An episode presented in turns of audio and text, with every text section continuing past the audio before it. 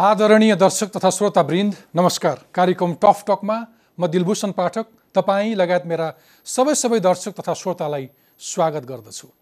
हिमालय टेलिभिजनमा हरेक बिहिबार साँझ नौ बजे प्रसारण हुने यो कार्यक्रम तपाईँ टफ टकको आफ्नो युट्युब च्यानलमा टफ टक प्रस्तुतकर्ता इन्टरफेस नेपालको web page interface Nepal dot com र हाम्रो पात्रो एपमा हेर्न तथा आइओएस चलाउने श्रोताहरूले आइट्युन्स र एन्ड्रोइड चलाउने श्रोताहरूले नेपाली पडकास्टमा पनि टफ टक सुन्न सक्नुहुनेछ।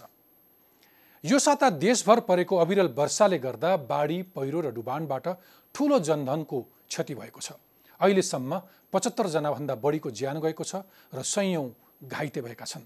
तिसभन्दा बढी ठुला राजमार्गहरूमा क्षति पुगेको छ। सर्वोच्च अदालतले सीमा क्षेत्रबाट भित्रिने तरकारी तथा फलफुलको विषादी परीक्षण गर्नै पर्ने आदेश दिएको छ। भारतबाट ल्याइने फलफुल तथा तरकारीमा विषादी परीक्षण गर्ने संयन्त्र नभएको भन्दै सरकारले परीक्षण नगर्ने निर्णय गरेको थियो। अब लागौँ आजको विषयतर्फ। विस्तृत शान्ति सम्झौता मार्फत हिंसात्मक विद्रोह छाडी माओवादी शान्तिपूर्ण बाटोमा आएको तेह्र वर्ष पुगिसकेको छ। तर यति लामो समय बितिसक्दा पनि दुई हजार बाहन्न सालदेखि दस वर्षसम्म चलेको हिंसात्मक घटनाका पीडितहरूले अझै न्याय पाएका छैनन्। माओवादी पार्टी आफै पटक पटक सत्ताको नेतृत्वमा पुग्यो। तर न जिम्मेवार नेता यसको समाधानबारे गम्भीर देखिन्छन् न त पीडित जनताले कुनै राहत महसुस गर्न सकेका छन्। दुई वर्षभित्र सत्य निरूपण तथा मेलमिलाप आयोग र बेपत्ता छानबिन आयोग मार्फत पीडितहरूलाई न्याय दिलाउने भनिएको थियो। तर न्याय त परै जाओस् न्याय दिने विधि के हो भन्नेमा पनि तेह्र वर्षसम्म कुनै राजनीतिक सहमति बनेको छैन। दुईवटा आयोगका पदाधिकारीहरूको एक कार्यकाल त्यत्तिकै बितेर अवकाश पाइसकेका छन्। अहिले ती आयोगमा आफ्नो मान्छे को राख्ने भन्नेमा सत्तारूढ र विपक्षी दलबीच रस्साकस्सी छ। शान्ति प्रक्रियाको विषय मात्र होइन अन्य मुद्दामा पनि यतिखेर सत्तारूढ दल नेकपा र विपक्षी दल काङ्ग्रेस बीच टकराव चुलिन्दो छ। पार्टी आफै बीच एकता छैन। अझ विपक्षी दल काङ्ग्रेसभित्र त आन्तरिक विवाद र झमेला चरम छ। शान्ति प्रक्रियाका बाँकी काम किन तेह्र वर्षसम्म पुरा हुन सकेनन्? हिंसा पीडितले न्याय पाउन अब कति पर्खनु पर्ने हो? नयाँ संविधान त जारी भयो तर त्यसले दिएका अधिकारहरू नागरिकले कहिले पाउँछन्? संविधानले तय गरेको बाटोमा सरकार अघि बढेको छ कि छैन? सत्तारूढ नेकपा र विपक्षी काङ्ग्रेसबीच किन विवाद र झगडा बढिरहेको छ? चरम गुटबन्दीमा फँसेको काङ्ग्रेस राष्ट्रिय मुद्दाहरूमा कहाँ छ? धर्मनिरपेक्षताको कुरामा काङ्ग्रेस अझै कन्फ्युज हो। यस्तै प्रश्नहरूको जवाब खोज्न आज मसँग हुनुहुन्छ माओवादी आन्दोलनलाई शान्तिपूर्ण रूपान्तरण गर्न भूमिका खेल्दै संविधान निर्माणमा समेत महत्त्वपूर्ण योगदान पुर्याउनुभएका काङ्ग्रेसका पूर्व महामन्त्री कृष्ण सिटौला। आउनु स्वागत गरौँ आजका मेरा अतिथि काङ्ग्रेसका नेता कृष्ण सिटौलालाई। कृष्ण सिटौलाजी टकटकमा स्वागत छ। धन्यवाद। आराम हुनुहुन्छ? केमा व्यस्त हुनुहुन्छ आजकल? आराम छु। व्यस्तै राजनीतिमा आफ्नो पार्टी सङ्गठनको काममा। तपाईँले आज ल्याएको सन्दर्भ मैले भूमिका बाँधिसकेँ। नेपालमा शान्ति प्रक्रियालाई अगाडि बढाउने र पछिल्लो पटक संविधान जारी गर्ने काममा तपाईँले साह्रै महत्त्वपूर्ण भूमिका खेल्नुभयो र त्यस पछाडिका आगामी दिनहरूमा तपाईँले केही आकलन गर्नुभएको थियो। तर दुर्भाग्य तपाईँ आफै पछिल्लो पटक सांसद बनेर संसदमा आउन पाउनु भएन बाहिरिनु भयो। कहाँ हुनुहुन्छ? यति बेला? राजनीतिक दृष्टिकोणले म जहाँ छु त्यही नै हो। पार्टीको साङ्गठनिक काममा म आफू लागिराखेको छु। अब चुनाव डेमोक्रेसीमा आवधिक निर्वाचन हारजित हुन्छ। मैले ठुलो कुरा यसलाई मानेको छुइनँ। चुनाव हार्दा धेरै निराश हुनुपर्ने मनोबल गिरिहाल्नुपर्ने जित्ता उत्पाद भइहाल्नुपर्ने त्यस्तो ममा कहिले पनि भएन। तर त्योभन्दा पनि कङ्ग्रेसलाई आफै गणतन्त्रसम्म लैजान तपाईँको पनि भूमिका थियो र नयाँ संविधान बन्यो मुलुक गणतन्त्रमा गयो र तपाईँ चुनावमा जानुभयो तपाईँका लागि दुर्भाग्य त्यही राजावादी विचार राख्ने व्यक्तिबाट तपाईँ पराजित हुनुभयो। वाम गठबन्धनले राप्रपा नेपालको उम्मेदवारलाई आफ्नो उम्मेदवार बनाएको हो। राप्रपा आफैले जितेको होइन वाम गठबन्धनले राप्रपालाई जितायो। अब त्यस कारणले यो राप्रपाबाट पराजित होइन वाम गठबन्धनसहित राप्रपा संयुक्त भन्नुपर्छ। राजावादी विचार राख्नेहरूसँग चाहिँ तपाईँको सङ्घर्ष छ कि सिद्धियो चुनावमै? मलाई के लाग्छ भने यो सङ्घर्षभन्दा पनि यो अब फेरि राजतन्त्र आउँछ भन्ने कुरामा मेरो त विश्वास छैन। देश गणतन्त्रमा धेरै अगाडि गइसकेको छ। र यो फेरि पछाडि फिर्ने अवस्थामा नेपालको राजनीति छैन। त्यसैले यो राजावादीहरूसँग सङ्घर्षको कुरा गर्नु बेकार कुरा हो जस्तो मलाई लाग्छ। ठिक छ। र खालि यो परिवर्तनलाई सुदृढ गर्नका लागि यसलाई र यसको माध्यमबाट राष्ट्रको हितमा व्यापक काम गर्नका लागि राजनीतिक दलहरू सचेत रहनुपर्छ सजग रहनुपर्छ भन्ने मान्यतामा म आफू सजग रहनुपर्छ। ठिक छ। तेह्र वर्ष अगाडिको घटनामा लान चाहन्छु। जुन बेला तपाईँ तत्कालीन माओवादी आन्दोलनलाई शान्तिपूर्ण रूपमा रूपान्तरण गराउने एउटा महत्त्वपूर्ण पात्र हुनुहुन्थ्यो। सरकारी वार्ता टोली थियो त्यसको संयोजक थिएँ म हो। त्यस बेलाको प्रतिबद्धताहरू कहाँ पुगे? शान्ति प्रक्रियाको एउटा महत्त्वपूर्ण पक्ष राजनीतिक पक्ष थियो संविधान सभाबाट संविधान जारी गर्ने। त्यो पुरा भएको छ।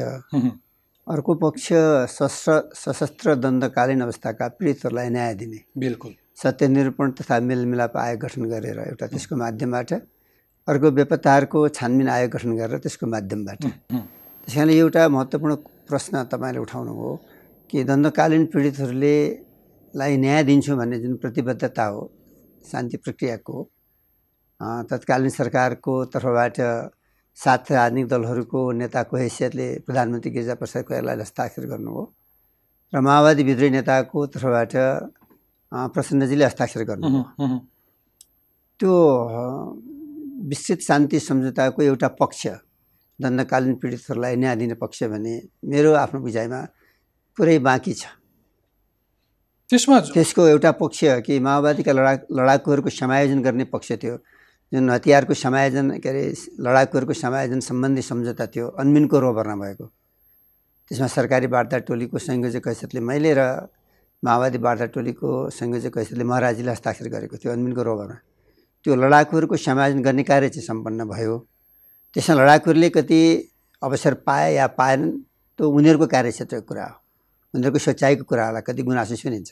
तर त्यो एउटा पाठ पुरा भयो हुँ, तर खास गरी द्वन्द्वकालीन अवस्थामा भएका हिंसात्मक घटनाहरू बर्बर घटनाहरू पक्रेर लिएर गएका मानिसहरू फिरेर नआउने कहीँ मारिने कहीँ अहिलेसम्म मारिए अथवा के भयो कुनै पत्ता नहुने यस्ता अनेकौँ घटनाहरू छन्।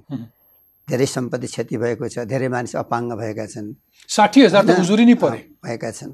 सत्र हजारभन्दा बढी मानिसको ज्यान गएको छ।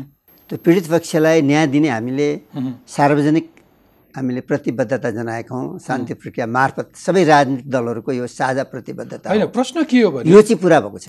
र जबसम्म यो पुरा हुँदैन मलाई आफूलाई के लाग्छ भने नेपालको शान्ति प्रक्रिया टुङ्गोमा पुगेको मानिँदैन।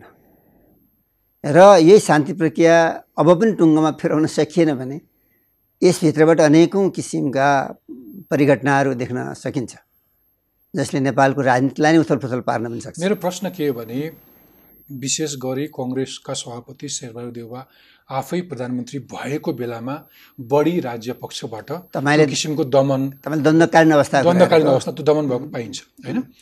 त्यसकारण अथवा आफू पनि परिने डर हो अथवा उता पुष्पकमल दाहाल विद्रोही विद्रोही पक्षका नेता। यो यो यो प्रसङ्ग आउँदाखेरि हामी आफै पर्छौँ भन्ने भयले पनि केही काम गरेको छ? भयले त काम गरेको म मान्दिनँ।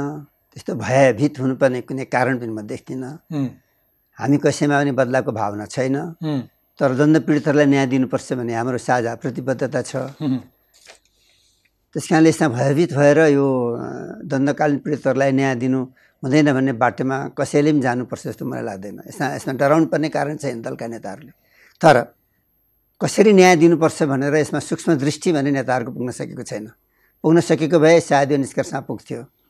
उहाँहरू नै प्रधानमन्त्री भएकै बेलामा निष्कर्षमा पुग्थ्यो। किन पुगेन? त्यो सूक्ष्म दृष्टि किन पुगेन? त्यो त उहाँहरूलाई पनि सोध्नु पर्ला। तर एउटा पार्टीको एउटा के केन्द्र तहमा रहेको हैसियतले र यो शान्ति प्रक्रियामा सुरुदेखि मैले एउटा महत्त्वपूर्ण भूमिका खेल्ने अवसर पाएको हैसियतले। एक्ज्याक्टली र संविधान निर्माणमा पनि यसको भूमिका खेल्न पाएको हैसियतले। मलाई के लाग्दछ भने कहीँ न कहीँ मानसिकतामा सङ्कुचन छ कहीँ न कहीँ मानसिकतामा। मानसिक नेताहरूको मानसिकतामा अलिकति उदारभाव आउन सक्नु पऱ्यो अलिक फराकिलो सोच आउन सक्नु पऱ्यो अघि तपाईँले भने जस्तै भए नभए पनि एउटा सूक्ष्म दृष्टिकोण चाहिँ पुगेको छैन भने जस्तै जस्तो केही दुविधाहरू पनि छ जस्तो जघन्य मानवाधिकार उल्लङ्घनका घटनालाई नियमित अदालतबाटै छिनोफानो गर्ने भन्ने एउटा पक्ष होला अथवा अर्को पक्ष होला कि सत्य निरूपण भित्रै यसलाई समेट्ने भन्ने पक्ष पनि होला। कुनै एउटा स्पेसिफिक घटनामालाई लिएर मात्रै त अहिले मैले भन्न सक्दिनँ। तर मुख्य कुरो के लाग्छ भने गम्भीर प्रकृतिका अपराधिक घटनाहरू जुन छन् जुन युद्धको नियमभन्दा पनि बाहिरका घटनाहरू छन् चाहे बलात्कार बलात्कारसहितको हिंसा पछिको हिंसा। हत्या होइन। जस्तो मानिसलाई कब्जामा लिइसकेपछि गरिएको हत्या टर्चर जुन गम्भीर मानवीय मानवाधिकार उल्लङ्घनका उल्लङ्घनका गम्भीर प्रकृतिका घटनामा त क्षम हुन्न। सर्वोच्च अदालतले नि भनिसकेको छ दोषीलाई ती- विषयहरूमा चाहिँ के छ भने अहिलेको सरकार पनि प्रतिपक्ष पनि गम्भीर हुनुपर्छ र कानुन बनाउन सक्नुपर्छ। यी दुवै पक्षबाट भएको छ फेरि? अहिलेसम्म सफल भएका छैन असफल हुन्छन् ठान्नु पऱ्यो मेरो त शुभकामना छ। मैले भन्ने राखेको छु मैले प्रधानमन्त्रीलाई पनि भनेको छु यो विषयमा। मेरै पार्टीको सभापति दलको प्रतिपक्षी दलको नेता शेरबहादुरजीलाई पनि भनेको छु प्रसन्नजीलाई पनि भनेको छु। अझ खास गरिकन यसको मुख्य सरोकार यसको लिड गर्नुपर्ने सरोकार हिजो नेपाली काङ्ग्रेस पार्टीको गिरिजाप्रसाद कोइरालाले हस्ताक्षर गरेको हुँदा उहाँको यसको जिम्मेदारी अहिले शेरबहादुरजीको काँधमा छ। र माओवादी विद्रोही नेता हिजो प्रचण्डजी हुनुहुन्थ्यो अहिले कम्युनिस्ट पार्टीको अध्यक्ष आफै भन्नुभएको छ उहाँले होइन? उहाँलाई काम गर्न सजिलो हुन्छ सिङ्गेहरूको एमाले सहितलाई साथमा लिएर काम गर्ने अवसर उहाँले पाउनुभएको छ होइन? हिजोको एमालेलाई छ। त्यस कारणले उहाँले यस सम्बन्धमा कानुन विधेयक अगाडि लिएर आएर निकाल्ने भयो नि त। तर त्यो न्याय दिने कुरामा यो खालको राजनीति किन? अहिले पुष्पकमल दाहालजी अथवा शेरबहादुर देवाजी आफ्नो अनुकूलको मान्छे चाहिँ ल्याउनुपर्छ आयोगमा भनेर लागिरहनु भएको छ? यो कस्तो भने परस्परको केही अविश्वास छ परस्परमा केही शङ्का छ? द्वन्द्व पीडितलाई न्याय पाउँदैनन् भन्ने पाउँदैनौँ कि भन्ने शङ्का? हिजोका राज्य र विद्रोहीको बिचका मूल नायकहरूलाई आफैमाथि आइलाग्छ कि भन्ने शङ्का? आदि। आदिको ग्रस्त मानसिकताबाट यो विषय टुङ्गोमा पुग्न सकिरहेको छैन। एक। तर यो जति ढिलो हुँदै जान्छ मेरो आफ्नो बुझाइमा जति ढिलो हुँदै जान्छ क्रोनिक बन्न सक्छ। र यसमा दुनियाँको चासो चाहिँ घटेर जाँदैन बढेर जान्छ। त्यस कारणले यो निको हुन लागिसकेको घाउलाई समयमा नै अझ राम्रो मलमपट्टि गरेर टुङ्गोमा पुर्याउन सक्नु चाहिँ बुद्धिमानी हो। होइन भने यो खाटा बस्नलाई घाउ फेरि उक्किन पनि सक्छ। ठुलो घाउ पर्न पनि सक्छ। अथवा पछिल्लो सानो पटक छिद्रबाट ठुलो भङ पर्न सक्छ। अथवा जसरी पछिल्लो पटक अन्तर्राष्ट्रिय समुदायले अथवा युरोपियन युनियनले अथवा अमेरिकाले केही महिना अघि संयुक्त वक्तव्य जारी गरेरै भन्यो होइन। सङ्क्रमणकालीन न्याय चाहिँ टुङ्गाउने विधिबारे प्रश्नै गरे होइन उसले। गरेको छ अन्तर्राष्ट्रिय कम्युनिटीले चासो राखेको छ मानवाधिकार कर्मीहरूले चासो राखेको छ मानवाधिकार जगतका सबैले राष्ट्रिय अन्तर्राष्ट्रिय जगतले नै चासो राखेको छ। र अरूको चासो मात्र हामी सबैको चासोको विषय छ नि त। सबै नेपाली जनताको साझा सरोकारको चासोको विषय हो नि त यो। त्यत्रो ठुलो हिंसात्मक घटनामा हामी न्याय दिन्छौँ भनेर हामीहरू भन्ने तर दिन नसक्दाखेरि त अत्यन्त ठुलो दुर्बल पक्ष राजनीतिक वृत्तको नै हुन्छ नि। कुनै एउटा पक्ष विशेष मात्रै होइन यो। समग्रको भन्छु म यो। समग्रमा यो परिवर्तनकारी समग्र राजनीतिक पक्षको नै ठुलो कमजोरी हुन्छ। त्यस कारण आजको सत्ताले आजको सरकारले यसलाई बडो संवेदनशील भएर द्रुत गतिले सूक्ष्म अवलोकनका साथ सबैलाई साथमा लिएर काम गर्न सक्नुपर्छ। एक्लै हिँडेर कहीँ टुङ्गोमा पुग्न सक्दैन सरकार पनि यो विषयमा कम्तीमा। अब सबलाई साथमा लिएर हिँड्नुपर्छ। अब यो त्यो हिंसाको अवशेष यो बाँकी रहिरहेकै बेलामा यसलाई यो एउटा शान्तिपूर्ण निकास अथवा त्यो द्वन्द्व पीडितले न्याय नपाइरहेकै अवस्थामा फेरि अर्को एउटा हिंसा देखिन थालेको छ? अथवा हिंसाको पुना पुनरावृत्ति हुँदैछ? तपाईँले कसरी हेर्नु भएको छ नेत्र विक्रम चन्दको समूहलाई? विप्लवलाई विप्लवलाई। यो माओवादी पार्टी र एमाले पार्टीको एक एकीकरणपछि एकतापछि मा हिजोको विद्रोही माओवादीमा एउटा असन्तुष्टि धेरै ठाउँ मैले देख्छु। चाहिँ माओवादी नेताले कति देख्नुहुन्छ त उहाँहरूको कुरा हो। तर म देशभर हिँड्दाखेरि जनस्तरमा उहाँहरूको कुरा सुन्दा एउटा असन्तुष्टि देखिन्छ। ती सबै त्यो असन्तुष्टि भएका सबै मानिस त्यो विप्लवतर्फ गइसकेको अवस्था पनि होइन। तर हिजो माओवादी पार्टीकोले गरेको अन्तिम निर्णयका कारण अथवा यताका दिनको गतिविधिका कारण र असन्तुष्टि त्यहाँ बढ्यो होला। र त्यो असन्तुष्टिलाई को जगमा उठेर नेत्र विक्रम चन्द विप्लवले त्यसलाई लिड गर्यो। अथवा जे पनि हुनसक्छ। जे गरेको- तर सबभन्दा महत्त्वपूर्ण कुरा चाहिँ तपाईँको यो प्रश्नमा मेरो एउटा प्रश्न जवाफ हुन्छ। त्यो के हो भने कुनै पनि भावना र कुनै पनि असन्तुष्टि होस् जाजी होस् हिंसात्मक गतिविधि गर्नु हुँदैन अब। विगतको हिंसात्मक गतिविधिले नेपालले बहुत ठुलो बहुत धेरै चिज गुमाएको छ। त्यसैले यसमा चाहिँ म मलाई के लाग्छ भने नि मेरो आफ्नो विचारमा चाहिँ सरकार किन अहिले अलिअलि संवेदनशील भएको कि जस्तो मलाई लाग्छ केही घटनाहरू घटिसकेपछि रगत त फेरि बग्न थाल्यो नेपाली आमाकै छोराछोरीको चाहे त्यो विप्लवको कार्यकर्ता भएर मरोस् या राज्यको भएर मरोस् या नौजनाको ज्यान गइसक्यो। रगत गइ र रगत बग्न थाल्यो पनि मारिन अत्यन्त दुःखद घटना हो र यसलाई अत्यन्त छिटै संवादको माध्यमद्वारा यसलाई चाहिँ निष्कर्ष निकाल्नुपर्छ। विप्लवलाई अधिकार छ शान्तिपूर्ण ढङ्गले आफ्नो असन्तुष्टि आफ्नो विद्रोह जारी राख्न पाउँछन् उनले तर शान्तिपूर्ण ढङ्गले। सरकार पक्षबाट वार्ताका लागि भएको अप्रोच ठिक छ?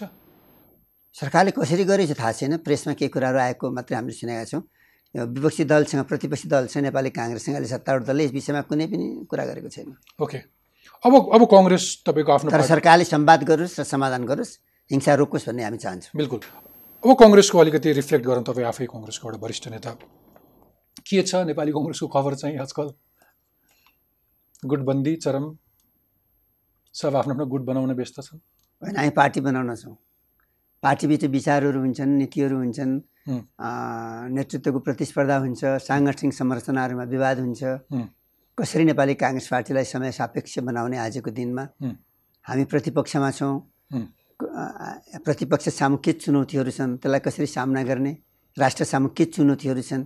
यो यो लोकतन्त्रमाथि यो परिवर्तनमाथि यो संवैधानिक व्यवस्थामाथि ती सबैलाई समाधान गर्नको लागि यो अहिलेको स्थितिमा यो पार्टीलाई पर्याप्त छ कि छैन यसको सामर्थ्य पर्याप्त छ कि छैन भन्ने कुरामा व्यापक बहस हुन्छ। अनेक कोणबाट मतहरू आउँछन् अनेक कोणबाट आएका मतहरूलाई धेरै गुठबन्दी भनेर निराश हुनुपर्ने तर त्यो बस चाहिँ तपाईँहरू पार्टीमा एक ठाउँमा बसेर नगर्नुको सट्टा देवबाजीहरू आफ्नो ठाउँमा बसेर गर्नुहुन्छ होला एउटा गुटमा रामचन्द्रजीहरू एक ठाउँमा बसेर गर्नुहुन्छ होला अनि तपाईँ सिटौलाजीहरू एक ठाउँमा बसेर आफ्ना आफ्ना तरिकाले त्यसरी चिन्ता चिन्तन मनन गर्नुहुन्छ? होइन राजनीतिक दलहरूमा विभिन्न धाराहरू त हुन्छन् नि स्वाभाविक हो। नेपाली काङ्ग्रेस पार्टी लोकतन्त्रमा विश्वास राख्ने पार्टी हो। हाम्रो आन्तरिक सङ्गठन पनि लोकतान्त्रिक अभ्यासद्वारै निर्माण हुन्छ। यसको परिचालन पनि लोकतान्त्रिक तरिकाबाट नै परिचालन हुन्छ।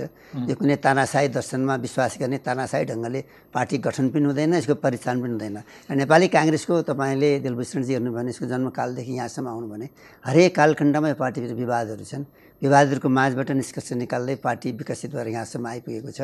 र नीतिगत बहस पनि पटक पटक भएको छ। आज हामीहरू संवैधानिक राजतन्त्र आफ्नै विधानमा लेखेर आएको पार्टी आज हामी नीतिगत बहस गर्दै जाँदा गणतन्त्रको झन्डा फहराउन हाम्रो नेतृत्वमा हामी पुग्यौँ स्वयं गिरिजा प्रसाद कोइरालाले नै दरबारमा गएर गणतन्त्रको झन्डा फहराउनु भयो। यो मेरो भनाइ कुरा के हो भने नेपाली काङ्ग्रेस पार्टी समग्रमा आन्तरिक रूपले आन्तरिक रूपमा लोकतान्त्रिक चरित्रको पार्टी हो यो भित्र बहस हुनु स्वाभाविक छ। यो बिचमा लाइक माइन्डेड साथीहरू एक ठाउँ बसेर छलफल गर्नु स्वाभाविक छ।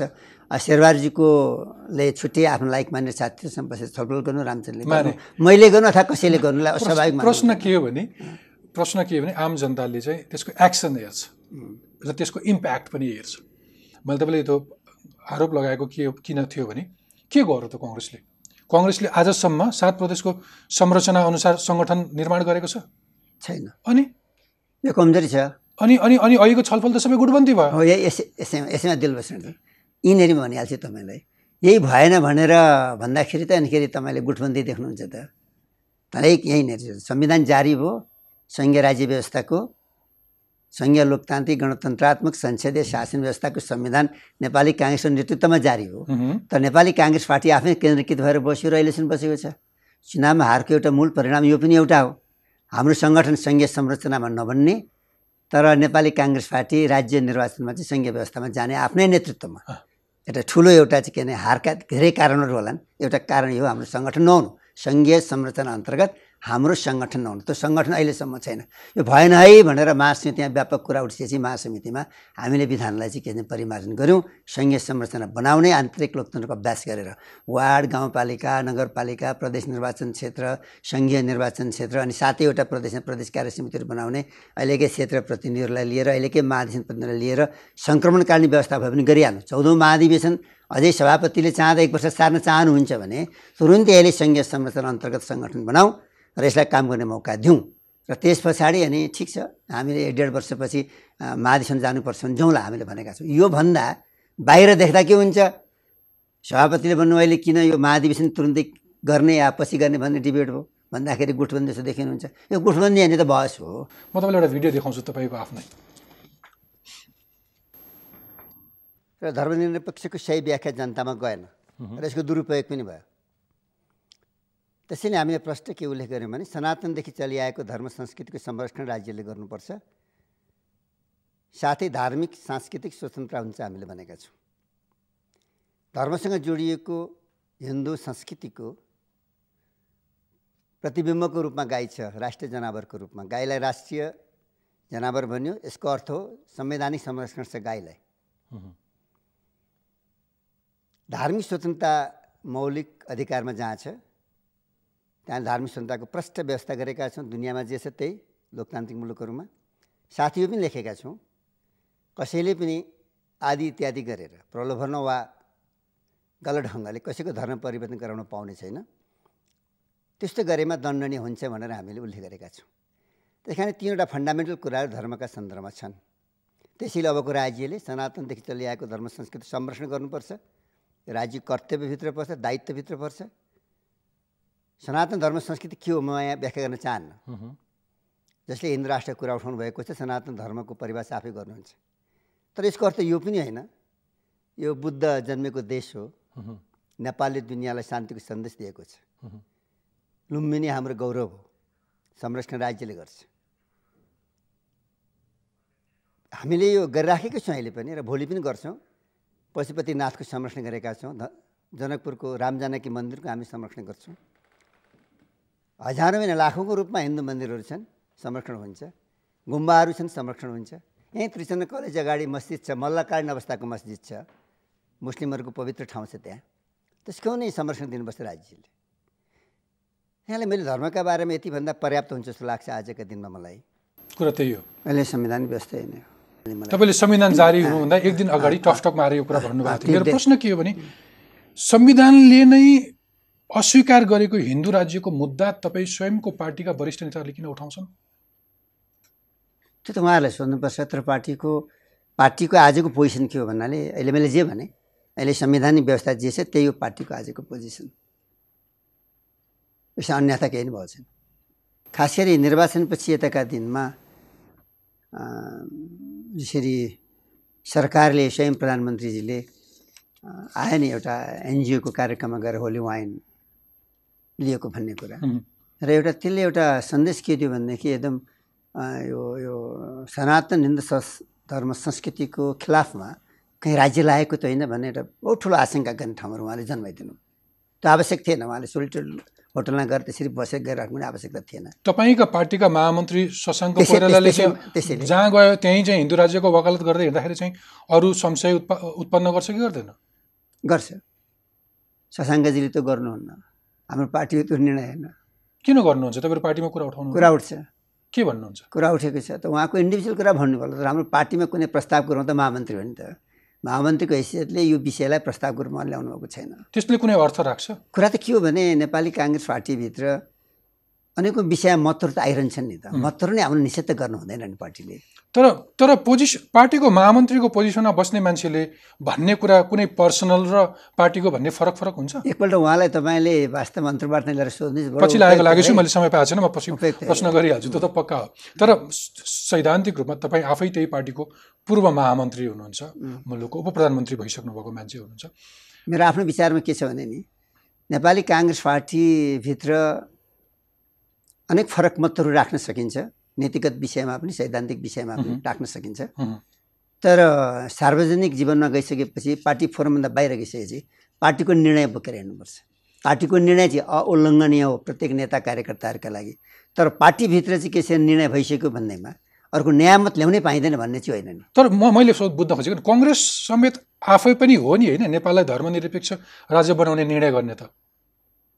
कङ्ग्रेस आफै पनि हो नि? यो- संविधानको त हाम्रै लिडमा बनेको हो संविधान। एक्ज्याक्टली त्यतिखेर उहाँ कहाँ हुनुहुन्थ्यो सिनमा? कि तपाईँहरू आफै आफैले निर्णय गर्नुभयो? उहाँलाई त्यतिखेर कुरा उहाँ पनि सांसदै हुनुहुन्थ्यो उहाँ पनि सभासदै हुनुहुन्थ्यो। त्यतिखेर चेतना थियो ज्ञान थियो उहाँले बुझिरहनु भएको थियो किन नहुनु? त्यतिखेर उहाँको पोजिसन के थियो? होइन भन्नुभएको थियो? थिएन थिएन। यस्तो कुरा आएको थिएन। यस्तो कुरा आएको थिएन। यो एउटा कम्प्रोमाइजको डकुमेन्ट हो संविधान यसरी नै बुझ्नुपर्छ हामीले। एउटा अनौठो कुरा त के छ भने धर्मनिरपेक्ष राज्य लेखिकन किन त्यसको स्पष्टीकरण लेखियो? किन त्यो धर्मनिरपेक्षको दुनियाँमा भएको व्याख्याभन्दा फरक ढङ्गले हिन्दू सनातन धर्म संस्कृति संरक्षण गर्ने प्रावधान राख्यो भन्ने प्रश्न स्वयं हामीमाथि पनि छ कि तपाईँको? धर्मनिरपेक्षवादीका कट्टरवादीहरू जो राज्य सम्पूर्ण रूपले कुनै पनि धर्मको फर्ममा या एगेन्स्टमा लाग्नु हुँदैन भन्छन्। धर्मनिरपेक्ष भनेको त्यो नि। राज्य धर्मबाट निरपेक्ष रहनुपर्छ भनेको के यस्तो? अझ भन्छ राज्य भनेको सरकार सरकारी निकायहरू चाहिँ के भने कुनै पनि धर्मको पक्षमा या विपक्षमा लाग्नु हुँदैन भन्ने हो धर्मनिरपेक्ष। मूल सिद्धान्त। यो युरोपमा पादरीहरूले चर्चहरूले पार्लियामेन्टमाथि हस्तक्षेप गरिसकेपछि पछि पार्लियामेन्टले त्यसको विरुद्ध सङ्घर्ष गरेर निकालेको एउटा व्यवस्था हो। सुन्नुहोस् कुरा तर यहाँ चाहिँ के भयो? नेपाल नेपालमा चाहिँ भने हामीले राज्यलाई धर्मनिरपेक्ष भने तापनि नेपालको सन्दर्भमा आजको आवश्यकता के हो त भन्नाले सनातनदेखि चलिआएको धर्म संस्कृति संरक्षण। गर्नुपर्छ है भनेर हामीले उल्लेख गऱ्यौँ। अन्त ए यो काममा यो विषयमा धर्म सम्बन्धी जे प्रावधानहरू हामीले राख्यौँ त्यो विषयमा सरकार संवेदनशील देखिएन गम्भीर देखिएन राज्यका अङ्गहरू गम्भीर देखिएनन्। र यसमा चनाखो पार्नको लागि त हामीले बोल्नुपर्छ नि त। यो बोलेकै कुराबाट संविधानै उल्टाउन खोज्यो भन्नेतर्फ हामीले जानु हुँदैन। त्यस कारणले अब तर यहाँ यहाँ धेरै शङ्काहरू हुन्छ। त्यसकारण धेरैको शङ्का कतिसम्म छ भने उही पूर्व राजाको दाउमा काङ्ग्रेस अब गोटी बन्दैछ भनेर पनि प्रश्न गर्न थालेका छन् तपाईँहरूलाई। यो कुनै पनि बहानामा कुनै पनि दाउमा नेपालमा राजतन्त्र अब फिर्दैन। यो चाहिँ मेरो एकदम सब्जेक्टिभ अब्जेक्टिभ जे जे भन्नुहुन्छ। तथ्य पनि यही हो। मेरो चाहिँ के छ भनेदेखि आम नेपाली जनताको चाहना नै हो। राजा ल्याउने मोडमा जनता छैन। हिजो राजालाई राजा बनाएर राजा वरिपरि बसेर आफ्नो स्वार्थ सिद्धि गर्नेहरूको बारेमा मेरो भन्नु केही छैन। मेरो उहाँसँग कुनै छलफल पनि छैन। अरू धेरै कुरा परिवर्तन हुन सक्ला। समय सापेक्ष परिमार्जन हुन सक्ला संशोधन हुन सक्ला संविधानका विषयवस्तुहरू। यो संविधान कुनै गीता या बाइबल रामायण त होइन नि त। यसका शब्दहरू नै केही परिवर्तन हुँदैन। समयको विकास हुँदै यसका संरचनागत विषयहरू परिवर्तन हुँदै जालान् लोकतन्त्र परिवर्तन हुन्न। जनतामा नित सार्वभौम सत्ता राजकीय सत्ता परिवर्तन हुन्न। नेपालको राष्ट्रिय अखण्डता परिवर्तन हुन्न। नेपालको अखण्डता परिवर्तन हुन्न होइन? तर संरचनागत विषयहरूमा त परिवर्तन हुँदै जान्छ समयको माग बमोजिम दुनियाँका लोकतान्त्रिक संविधान यिनै हुन्। डाइनामिक हुन्छन् फ्लेक्जिबल हुन्छन् समयको मागलाई सम्बोधन गर्दै अगाडि जान्छन्। विप्लवकै मागलाई पनि लोकतन्त्रका मूल मान्यतामा आधारित भएर सम्बोधन गर्न नसकिने अवस्था त होइन नि त। यो संविधान सबका मागलाई सम्बोधन गर्न सक्छ तर के सम्बोधन गर्न सक्दैन भने यसको यसको मूल कार्यदिशालाई उल्टाउन सक्दैन। यो अग्रगामी संविधान हो यो पश्चगामी भन्न सक्दैन यो पछाडि फिर्न सक्दैन संविधान। होइन गुनासो तपाईँहरूलाई आरोप के छ भने गणतन्त्रमा कम्युनिस्टहरू अलिक बढी फस्टाए बरु अलिकति पुरानै राजतन्त्रतर्फ अथवा पुरानै संरचना बिउताउँ भन्ने सोच पनि केही काङ्ग्रेसीहरूमा छ छलफल गर्न थालेका छन् भन्छन्। यो आलस्य र विलासिताको सोच हो कसैले सोध्छ भने हामीले कम्युनिस्टहरूसँग लोकतन्त्रमा कम्पिटिसन गर्न सक्दैनौँ भनेर मनोबल गिराउनु पर्ने कुनै कारण छैन। बरु मलाई त के लाग्छ भने कम्युनिस्ट पार्टीलाई लोकतान्त्रिक माध्यमबाट देशलाई अगाडि बढाउन सक्ने क्षमता चाहिँ हुँदैन। मैले एक डेढ वर्षको मूल्याङ्कन गर्दा अब त्यो निष्कर्षमा पुगेको छु मैले। कम्युनिस्ट पार्टीको दर्शन बेग्लै छ। एकदलीय सोचको आधारमा छ। भनेपछि मान है भन्ने खालको व्यवस्था छ लोकतान्त्रिक पद्धतिको। हाँक्नु छ लोकतान्त्रिक मूल्य मान्यतामा आधारित भएर राज्यलाई। त्यस कारणले लोकतन्त्रलाई हाँक्नको लागि लोकतान्त्रिक पार्टी नै चाहिन्छ। त्यो चाहिँ यथार्थ कुरा त्यस कारणले नेपाली काङ्ग्रेस पार्टी जो राष्ट्रिय राजनीतिमा यत्रो भूमिका खेल्दै आएको पार्टी छ अहिले प्रतिस्पर्धामा जान सक्दैन। यो गणतन्त्रमा चाहिँ कमजोर फर्स्ट आए काङ्ग्रेस पछाडि पऱ्यो भनेर हामीले गुनासो गर्नु पर्दैन। चौसठीमा हामी हारेकै हो नि।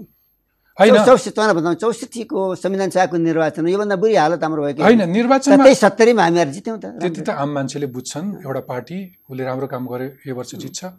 राम्रो काम गरेन जनताले उसलाई हराउँछन्। जनता त्यति नै जागरुक हुनुपर्छ उसलाई हराउन र जिताउन। अब उसलाई प्रपर मूल्याङ्कन गर्नै पर्छ। तर अवस्था त के भयो भने कङ्ग्रेस आफै अघि तपाईँले भन्नुभयो नि सबै कुराहरू अपडेटेड भए शासन व्यवस्था परिवर्तित भयो पार्टी परिवर्तन भएकै छैन। तपाईँहरू अझै पनि झै झगडामै हुनुहुन्छ कि चलो गर्दै हुनुहुन्छ? अब के के गर्नुभयो अहिले अध्यक्षज्यूले?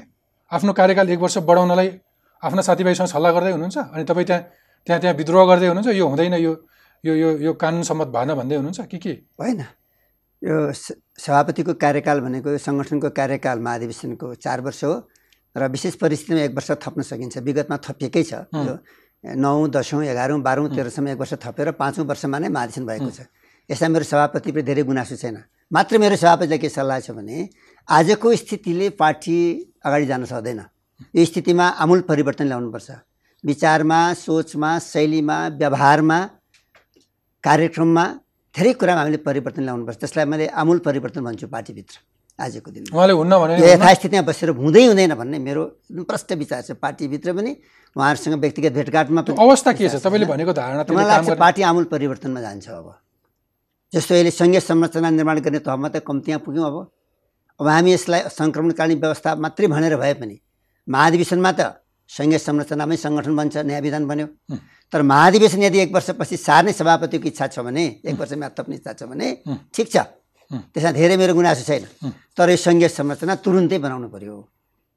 जे विधान हामीले बनायौँ महासमितिबाट समझदारीले तुरुन्तै भने सङ्घीय संरचना बनाउनु पर्यो। वार्डमा गाउँपालिकामा नगरपालिकामा। एकदम छोटो मलाई भनिदिनुहोस् न पोइन्टमा भनिदिनुहोस्। तपाईँ नेक्स्ट एक दुई वर्षमा कङ्ग्रेस कस्तो देख्नुहुन्छ? नयाँ नेतृत्व नयाँ मान्छेहरू नयाँ विचार कि उही पुरानो? पार्टीमा पुरै नयाँपन हुनेछ। तलदेखि माथिसम्म। नेतृत्व पनि नयाँ हुनेछ। यसको विचार शैली कार्य पद्धति यसको समग्र देशलाई हेर्ने त्यसमा यसको चिन्तनधारामा नै एउटा नयाँ नयाँपन आउनेछ। गजब! यो कङ्ग्रेसको नयाँ रूप आम जनताले कहिले देख्छन् आगामी महाधिवेशनबाट अब। त्यो भनेको समय नै किताब अब मलाई। लाग्छ अब अर्कै साल यो साल होला जस्तो छाँट छैन यो साल हामी यो सङ्क्रमणकालीन व्यवस्था अन्तर्गत सङ्गठन बनाउँछौँ। अर्को सालसम्म यो आउने। मङ्सिरसम्म बनाउँ भन्ने छ। त्यसले करिब आठ दस महिना एक वर्ष काम गर्ला। अनि त्यसले चाहिँ महाधिवेशन सम्पन्न गर्छ। ठिक छ। चौधौँ महाधिवेशनबाट नेपाली काङ्ग्रेस पार्टी आमूल परिवर्तित भएर जनता समक्ष पुग्नेछ। तपाईँहरूलाई शुभकामना। मलाई अब अलिकति सरकार र विपक्षी तपाईँहरूको आफ्नो भूमिकाको अलिकति मूल्याङ्कन गरौँ। अघि तपाईँले अलिकति इङ्गित गर्दै हुन्थ्यो यो सरकारलाई कसरी मूल्याङ्कन गर्नुहुन्छ? सङ्ख्याको दृष्टिले शक्तिशाली सरकार कामको दृष्टिले कमजोर सरकार। उल्लेख्य राम्रो काम गर्न सकेन। अत्यन्त छोटो समयमा धेरै अलोकप्रिय भयो। आम जनताको बिचमा र आफ्नै पार्टी पङ्क्तिभित्र पनि। यो प्रतिपक्षले मात्रै बोलिरहेको छैन आजको दिनमा यो कुरा। उहाँकै पार्टीको नेताहरू पनि अत्यन्त ठुलो आलोचना भन्नुहुन्छ सरकारको। आम जनतामा अत्यन्त अलोकप्रिय भयो। अत्यन्त ठुला असन्तुष्टि र अभिव्यक्ति भए जस्तो गुठी प्रकरण। जस्तो-? विषादी प्रकरण। यत्रो ठुलो गल्ती हुँदैन। यत्रो ठुलो गल्ती हुँदैन। गुठी सम्बन्धी विधेयक आयो संसदमा। प्रतिपक्षले जनताको भावनालाई बुझेर कुरा उठायो। त्यही समाधान गरेर फिर्ता लिएको हुन्थ्यो नि। जनता सडकमै आउनुपर्ने। अन्तिम मूल्याङ्कनको बेला त भएको छैन म भन्ने गरेको छु। दुई वर्ष कार्यकाल भएपछि दुईवटा बजेटको फुल कार्यान्वयनपछि एउटा राम्रो विश्लेषण गरौँला सरकारका बारेमा। तर ठ्याक्कै आजका दिनमा भन्दा चाहिँ अत्यन्त छोटो समयमा अत्यन्त धेरै अलोकप्रिय भएको सरकार दुनियाँमै सायद कम होलान् जस्तो नेपालमा बन्यो अहिले। तपाईँ आफै अस्ति संविधान जारी गर्ने मध्येको एउटा मुख्य नेता हुनुहुन्थ्यो। हामीले संविधान जारी गर्दै गर्दाखेरि केही व्यवस्थाहरू पनि यस्तो बनायौँ कि अघिल्ला दशकहरूमा जस्तो हामीले देखेको अथवा भोगेको राजनीतिक चरम अस्थिरता नहोस् राजनीतिक स्थायित्व होस् भनेर भनिरह्यौँ। अहिले फेरि यी अनेक बाहनामा यो राजनीतिक स्थिरताका लागि लाग्ने मान्छेहरूलाई अलिकति निराशा बनाएर फेरि त्यो अस्थिरताको खेल खेल्न खोजिरहेको त होइन? होइन हामी राजनीतिक स्थिरताको पक्षमा छौँ यो संवैधानिक व्यवस्थाको सुदृढ हुने पक्षमा छौँ। अनि किन यो अहिले बहुमतको सरकारले आफ्नो कार्यकाल पुरा गरोस् र देशले प्रगति पाओस् भन्ने हामी पक्षमा छौँ। तर प्रतिपक्षले सरकारले गरेका गल्तीलाई संसदमा कुरा उठाउन सकेन भने संसदमा कुरा उठाउँदा सरकारले आँखा खोल्न सकेन र राख्यो भने सडकमा पुगेर भए पनि सरकारको आँखा खोल्नुपर्छ। सरकारलाई अन्धो हुन दिनु हुँदैन। सरकारलाई बोल्नै दिनु न तपाईँहरू संसदमा। प्रधानमन्त्रीलाई बोल्नै सरकारलाई बोल्न कहाँ त्यस्तो हुन्छ? सरकारले। सायद मलाई के लाग्छ भने मेरो आफ्नो मूल्याङ्कनमा। प्रतिपक्षले संसदमा बोल्न सकेको छैन। सरकारले चाहिँदोभन्दा बढी बलि बोलेर समस्या उत्पन्न भएको छ। मैले बुझेको हो सरकारले गर्नुपर्ने हो देशको हितमा गर्ने कुरा गर्दैन। प्रतिपक्षले बोल्नुपर्ने हो जनताको आवाज प्रतिपक्षले बोल्न सकिरहेको छैन। मेरो मूल्याङ्कन त फरक छ। सरकारले गरिराखोस् प्रतिपक्षले बोलिराखोस्। जनताको आवाजको कदर गरेर बोल्ने गर्ने काम सरकारको हो जनताको हितमा। जनताको आवाज बुझेर बोल्ने काम हो प्रतिपक्षको। मलाई एउटा कुरा दरो आवाज प्रतिपक्षले उठाउनुपर्छ दरो काम सरकारले गर्नुपर्छ। त्यही हो यो व्यवस्थाको सबभन्दा सुन्दर पक्ष। प्रतिपक्षले जति आवाज बलियो पार्दै जान्छ त्यति सरकार चनाखो भएर राम्रो काम गर्न सक्छ भन्ने संसदीय व्यवस्थाको एउटा। मूल्य मान्यता हो नि केही निर्णयहरू तपाईँलाई मन परेन होला। ठिक छ। तपाईँले अघि तोकेका केही बाहेक हाम्रो संविधानले तय गरेको बाटोमा चाहिँ सरकार अग्रसर छ? तपाईँ त संविधान मसौदा समितिको सभापति हुनुहुन्थ्यो। लाइन लाइन शब्द शब्द केलाएर लेखिया छ। हामीलाई त पढ्दाखेरि मात्रै धारा पल्टाएर मलाई। भन्नुहुन्छ भने एक दुईवटा टिप्पणी गरिहाल्नु तपाईँले सोध्नु हो संविधानले प्रतिनिधि सभामा सभामुख र उपसभामुख अलग अलग पार्टीको हुनुपर्छ भनेको छ अहिले एउटै पार्टीको हुनुहुन्छ यो संविधानको गलत व्याख्या हो। मेलाफाइड इन्टेन्सनका साथ संविधानको प्रयोग भएको छ त्यहाँनिर संसदभित्र प्रतिनिधि सभाको सभामुख र उपसभामुख फरक दलको हुनुपर्छ भनेको छ। उहाँहरू पहिले एमाले र माओवादी हामीले बनाएको हो। फरक दल थियौँ भन्नुहुन्छ। तर आजका दिन एउटै बन्नुभएको छ। एउटाले राजीनामा गर्यो भन्नुहुन्छ। अनेक बहाना गर्नुहुन्छ। त्यसरी बहाना गरेर गलत व्याख्या गरेर टिकाउनुहुन्न पदलाई। अनि सरकारले सरकारले संसद चलाउँछ सल्लाह। मैले बुझेको नम्बर एक कुरा। अनि सभामुखले जसरी तटस्थ पोजिसन देखाएर खास गरी संसदमा विपक्षीको आवाज आओस् भनेर सोच्नुपर्नेमा त्यो सभामुखले सोचिरहेको मैले पाइराखेको छुइनँ सरकारको सल्लाहमा संसदमा चाहिँ के छैन उहाँले व्यवहार गरेको पाउँछु जुन गलत हो। होइन? दोस्रो कुरा। अब अर्कोतिर स्वत न्यायपालिकाको कुरा गर्दा दुई एकजना प्रधान न्यायाधीश एकजना सचिवको पत्रबाट निष्कासित हुनुभयो। अर्को प्रधान न्यायाधीश संवैधानिक परिषदले सर्वसम्मत पारित गरेर पठायो तर सत्तारूढ दल प्रधानमन्त्रीकै सुनवाई समितिका साथीहरू रिजेक्ट गरिदिनु भयो र उहाँ रा ह्युमिलेट भएर राजीनामा गर्ने अवस्थामा पुग्नुभयो। र स्वतन्त्र न्यायपालिकाको मर्यादा पनि बचिरहेको छ जस्तो न्यायाधीशहरू निर्भीकताका साथ निर्भयताका साथ काम गरेका छन् भन्ने कुरा भन्न गाह्रो पर्ने अवस्था खडा भएको छ। त्यति मात्र होइन। धेरै संवैधानिक परिषदले गर्ने आयोगहरू जहाँ विपक्षी दलको नेताको उपस्थिति अनिवार्य गरिन्छ। विपक्षी दलको नेताको उपस्थिति बेगरै जातीय आयोगहरू संविधान आयोगहरू गठन भए हुँदाहुँदै निर्वाचन आयोगसम्म गठन भयो। यो अत्यन्त दुर्घटना भइरहेको छ यो कुराहरू। संविधानको प्रयोग असल नियतले भइराखेको छैन। यसले संवैधानिक निकायहरूको स्वतन्त्रतामाथि प्रहार हुन्छ उनीहरूको क्षमता कमजोर हुन्छ। अदालत न्यायपालिका लगायत संवैधानिक निकायहरूलाई निर्वाचन आयोग लोकसेवा आयोग के अरे अख्तियार दुरुपयोग अनुसन्धान आयोग आदि अरू जति पनि संविधान आयोगहरू छन् यी सबै आयोगलाई स्वतन्त्र ढङ्गले संविधान बमोजिम काम गर्न दिनुपर्छ। स्वतन्त्र ढङ्गले काम गर्न सक्ने वातावरण निर्माण गर्नु सरकारको कर्तव्य हुन्छ। खास गरी प्रधानमन्त्रीजीको कर्तव्य हुन्छ। यो कर्तव्यमा कहीँ न कहीँ ह्रास आएको मैले देखिराखेको छु। मलाई कस्तो लाग्छ भने सरकारमा पुगिसकेपछि सत्तारूढ दलका नेताहरू स्वयं प्रधानमन्त्रीजी र अरू नेताहरू पनि सरकार नबसेका नेताहरू पनि अब पुरै यो देशमा हामी जे भन्छौँ त्यो लागु हुन्छ भन्ने मान्यता हेर्नु हो। संविधानभित्रबाट भन्दा नि आफ्नो बढी उहाँको सोचले बढी थाबी हुन थालेको छ। विकास र समृद्धिको जुन कुरा गरिरहेछन् सरकारले त्यसमा तपाईँहरूको कति विश्वास छ? दूरगामी रूपबाट नेपाललाई आर्थिक प्रगति दिने उल्लेख्य कुराहरू हामीले पाएका छैनौँ। दुईवटा इक्जाम्पल दिन्छु तपाईँलाई एउटा पानी जहाजको कुरा एउटा रेलको कुरा। हो प्रधानमन्त्री चाहिँ कल्पनाशील हुनुहुन्छ। उहाँको कल कल कल्पना गर्ने क्षमतालाई साधारण नेतालाई भेट्न गाह्रो छ। कल्पना त पहिले चाहिन्छ नि सपना चाहिन्छ नि। भिजनरी नेता भनेको त्यही कल्पना चाहिन्छ नि। तर व्यवहारै उतार्न छ भने कल्पना गरेको अर्थ पनि हुँदैन नि। मेरो आफ्नो मूल्याङ्कन।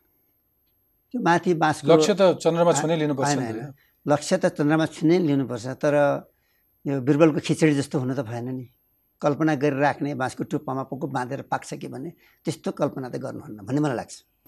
त्यसैले मैले कहिलेकाहीँ भन्ने गरेको छु रेल चढेका दिन प्रधानमन्त्रीलाई धन्यवाद दिउँला पानी जहाज चढेका दिन प्रधानमन्त्रीलाई धन्यवाद दिउँला साँच्चै रेल कुदेछ उहाँको कार्यकालमा पनि धन्यवाद दिउँला। कल्पना त्यसो धेरै गर्न छैन अब पचास वर्षपछि। पचास वर्षपछि आउने रेल होस् र बिस वर्षपछि आउने पानी जहाज होस् त्यो मात्रै कल्पना गरेर त भएन नि। आजको पाँच वर्ष के हो त पाँच वर्ष? यो अहिलेको निर्वाचनपछिको पा पाँच वर्ष कार्यकाल के हुनुपर्छ भन्नाले यो व्यवस्थालाई सुदृढ गर्ने यो व्यवस्थाको माध्यमबाट पछाडि परेका जो जनता छन् गरिब मुखा जनता तिनीहरूलाई आर्थिक प्रगतिको बाटोमा अगाडि ल्याउने मुख्य रूपबाट राजनीतिक सामाजिक आर्थिक सांस्कृतिक दृष्टिले पछाडि परेको जनतालाई अगाडि ल्याउने विशेष कार्ययोजना एक र अर्को चाहिँ दूरगामी रूपबाट नेपाललाई आर्थिक प्रगति दिने आर्थिक कार्यक्रमहरू दुईवटा तेस्रो नेपाल सधैँ स्वतन्त्र रहोस् स्वाधीन रहोस् सार्वभौम रहोस् भनेर चाहिँ के भने राजनीतिक रूपबाट सिङ्गो नेपाललाई एकजुट बनाउने अर्को कार्ययोजना। यो तिनटै कार्ययोजना चाहिँ व्यावहारिक रूपबाट मैले पाइराखेको छैन। ठिक छ। हुन्छ। कृष्णप्रसाद सिटोलाजी तपाईँको महत्त्वपूर्ण समय र विचारका लागि धेरै धेरै धन्यवाद। धन्यवाद।